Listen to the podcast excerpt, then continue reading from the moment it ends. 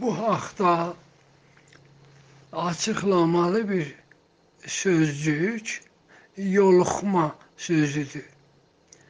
Yoluxmaq ya yoluxma, yəni sirayət.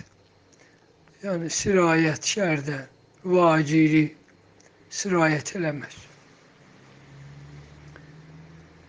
Bunun kökü və anlamı nədir? E, yoluxma sözünün e, xəstəliyinin və sözünün kökü yoldur. Yol. Yoluxmaq e, yəni e, biri birinə yol vermək. Yəni birindən birinə yol tapmaq. Yəni bir xəstəlik ki e, bir insanda vardır ya bir heyvanda vardır və ya hətta bitkilərdə vardır. O xəstəlik, e, o xəstəlik e, yan yörəsində olana e, yoluxdurmaq, yəni yol vermək. Bəs e, beləliklə yoluxmaq e, yəni sirayət etmək, yoluxma, yəni sirayət və e, vacir olmaq, e, bir insandan bir xəstəlik e, başqasına yetişmək və e, onu da xəstə etmək bu mənada. Yoluxqan faili sifətdir. Yoluxqan faili sifətdir yəni e, yoluxan xəstəlik, yəni sirayət eləyən xəstəlik. Bəs e, bugünkü e, korona adına e, virus ki insandan insana ya heyvandan insana ya birindən birinə e, yol tapır və bu xəstəlik yol tapa bilir birindən başqasına ona yoluxqan xəstəlik deyilir. İkinci sözcük ki, bu haqda açıqlamalıyıq. Oxumaq sözüdür. Oxumaq. Və bunu bilirik ki, bütün xəstəliklər yoluxqan deyillər. Yəni bütün xəstəliklər e, o cür o təhər deyirlər ki, e, biri birinə yol ver, birindən birinə yol tapsın. Və buna görə də deyirlər ki, e, bağlantılarınızı qırın və bəlkə bu yol qırılsın, bəlkə bu yol kəsilsin və birindən birinə e, yoluxmasın. Amma ikinci sözdəki elə e, belə bir xəstəliklərlə e, ki, yoluxqan xəstəliklərə bağlı bir sözdür. O da oxuma ya oxturmadır. E, hətmən ki, eşidibsiniz, deyərlər, baba, filan kəsə soyuq dəymişdi, gəldi bizə də oxturdu. Ya məsələn deyərlər ki, filan adamın yanında oturmayın ki, onun fil, e, bir e, özəl xəstəliyi var ki, sizə də oxar. Çox bir qədimdən insanlar bunları təcrübədə ediblər. E, amma e, bəzən e, xəstəliklər ya keçmişdə tanınmayıb, ya da ki, e, başqa bir bugünkü amillər və bugünkü e, davranışlar və təbiətdə və toplum ara e, yenidən yaranıblar. Bəlkə də varmışlar bir zaman ki, heç on zaman e, çox insanlar canını əldən verib və heç bunların e, səbəbi də tanınmayıb və illəti tanınmayıb və e, üstündən zaman keçib çox da qırğınlıqlar yaradıb. Ancaq e, ikinci sözümüz oxumaq və ya oxdurmaqdır. E, məsələn deyərlər da ki, e, sənin e, örnək üçün e, soyuq dəymən var, ya influenza xəstəliyi varındır. Bir kimsənin yanında oturma, özünü qoru. E, bəlkə ayrısına oxmasın. E, oxmaq sözünün də kökü oxdur. Haman ox ki, ovçular e, ondan faydalanarlar ovlamaq üçün. Amma bu isimlə bir e, feil düzəlibdir. Oxumaq. Yəni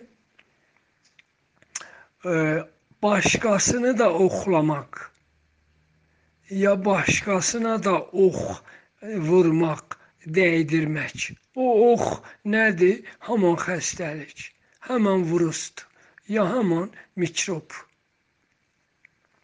Ancaq e, ox e, bir ova gedib manar. Yəni gedər, batar ona və manar. Burada e, çox bir e, gözəl bir kəlmədir bu kəlmə. E, o da bu budur ki, elə bir ox kimin e, birindən e, qozanır, gedir bir başqasının e, təninə manır və onu yaralayır. Demək, e, oxumaq ya ox eynən oxlamaq kimi oxumaq, yəni e, ox dəymək, ox vurmaq. Bu bir e, istiarə formasında e, düzəlibdir bu e, feil isimlə. Çox gözəl bir kəlmədir. Yəni e, insanlar çox-çox özlərini qorumalıdırlar ki, e, baş xəstəlikləri başqa insanlara oxmasın. Yəni bir ox kimin gedib ona da təninə manıb və onu da xəstə eləməsin. Başqa bir sözümüzdə qoruq ya qoruqlamadır. Haman ki bu gün xalqın dilində qərantinə deyilir. Qoruqlamaq ya qorumaq. Qoruq e, o yerdir ki, o yerə deyərlər ki, ya o bir məkana deyərlər ki, ora bir yasaqlıq, bir qadağalıq var. Orada yaşamaq ya orada olmaq e, dustaq kimi, yəni demək özünü dustaq eləmək. Yəni özünü qoruqlamaq. Özünü qorumaq və qoruqlamaq. Və qoruq e, məkan qeydidir. Yəni e, o yer ki, yəni o məkan və o ev ki, e, qoruqdur. Yəni orada insan özün qoruyur ya özün orada e, saxlayır. Ancaq e, demək haman qərantinə kəlməsinin e, barantayıdır ki, dilimizdə bunların hamısına söz var və biz e, bugünkü bu virus e, ki, mən virus deməkdə bu inci, ingiliscə bir kəlmədir ki, e, virus ona deyilir. Amma e, türkümüzdə e, buna xatir ki, e, incə qalın qaydası qarışmasın, dilimizin dəyirmanı e, bunu e, bu qarışmanın qabağını alıb virus formasında həman virus virusdur ki, onun səbəbini və amilini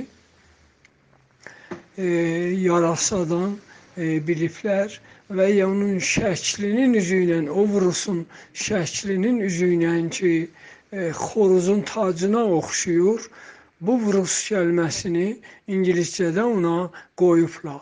Əlbəttə, mən bu elmi məqalələrdə oxuduğum kimi e, deyirəm. Bəş, bəlkə də fərqli ola. Ancaq e, bunun xoruz tacı e, virus kəlməsinin mənası xoruz tacıdır. E, bəli, deyirlər ki, bu virusun şəkli və formu xoruz tacına oxşuyur və şəklinin üzü ilə e, bu adı daşıyır. Bu xəstəlikdən və onda çoxlu işlənən terminlərdən ki, mən ad çəkirəm, e, bu şübhə yaranmasın ki, mən e, nə bir həkiməm və nə bir bu haqda bir uzman. Mən də e, bəlkə sizlərdən də bu haqda az bilirəm. Mən də elə bu bildirişlərdən, həkimlərdən və bundan ondan e, bu xəstəliyin haqqında eşit, eşitdiyim və oxuduğum söz söhbətlərdir. Mən təkcə bunların e, bunlarda işlənən, e, çoxlu vurğulanan və gündəmə gələn sözcüklərlə e, işim var. Mənim başqa bir e, ayrı bir şeylərində e, deməyə e, heç bir səlahiyyəti yoxdur. Amma e, bunun səbəblərindən bu xəstəliyin, bu e, yoluxqan və oxan xəstəliyin səbəblərindən ki, e, çoxlu bildirişlərdə və deyirlər həkimlər, biri qızmadır, qızma e, ki, e, farsça ona təb deyilir, qızma. Bir də elə qədim indiki də, indi də var ki, elə cəmaatımızın içində bu bir dənə adlı sözdür ki, deyərlər, ay balam, əlin qoyan uşağın məsələn alnına deyər ki, bunun elə bir biraz qızması var. Bunu götürün həkimə. Ya bunun məsələn ayaqların ılıq su ilə yuyun, ya alnına, ya burasına dəsmal, yaş dəsmal qoyun. Ancaq qızma haman təbdir ki, e, qədim nədimlə e, həm dilimizdə var və həm və bu kəlmənin özünün çox-çox müştəqqatı var. Bu qızma kəlməsinin ki, bir forması bu qızmadır ki, təbdir. Ondan sonra bunun o böyük nişanlarından bir də öskürmədir. Öskürmə e, e, məncə özkürmədir, özkürmə ki, o axırında gələn e, kürmə e, e, feilin kökündən sonra onlar əkdirlər. Ki, o əklər e, məsələn e, öskürmə üçün e, incə səsli ilə başlanır əki də özü kimi incə səsli ilə davam tapır. Odur öskürmək. O halətdir. Bunlar e, feildilər, amma bir halətləri nişan verirlər. Ya elə onun sırasında e, askırma e, üçün e, qalın səsli ilə başlanır, olur askırma. Və as e, kökünə qızma bağlanır. Necə qızma, qız, e, qızınmaq, isti mənasına ma bağlanır. E, qalın səsli. Burada da elə cürdür. Öskürmə, asqırma və ya hmm, os neçə nöqtə. Bunlar e, o halətlərdir və o səslərdir, o halətlərdir ki, e, belə bir şəraitlərdə insan hönkürmə də elə o sıradandır. E, incə səsli ilə başlanır. Hönkürmə e, uca səslə ağlama, kimin bir halətdir.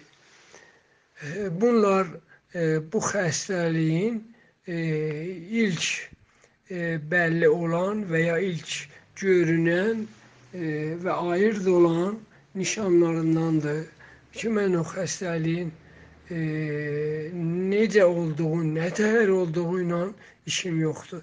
Təkcə bu e, sözcüklər ki, bu sırada e, çox işlənir və gündəlikdə işlənir, onları dedim. E, çox sağ olun dostlar. E, çox yaşayın. Arzum budur.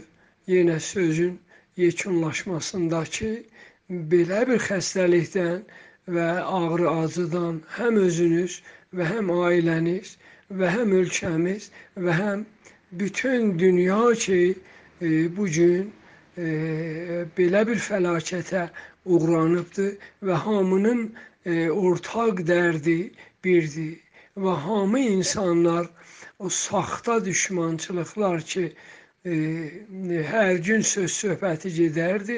Onlar hamısı unudulubdur. Təkcə bütün insanlar bir tərəfdədir və bu e, doğru e, insanların və heyvanların bəlkə düşmanları bir tərəfdə ondan qarşı-qarşıya dayanıbdır. Arzumuz budur ki, tezliklə e, insanlar e, bu fəlakətdən ki, uğranıblar, e, nicat tapsınlar və yaxaları qurtulsun və yenə də qabaqdan e, yaxşı günlərə, gözəl baharlara və gözəl təbiətə və sevinəcəkli günlərə şahid olaq. Çox sağ olun, çox yaşayın.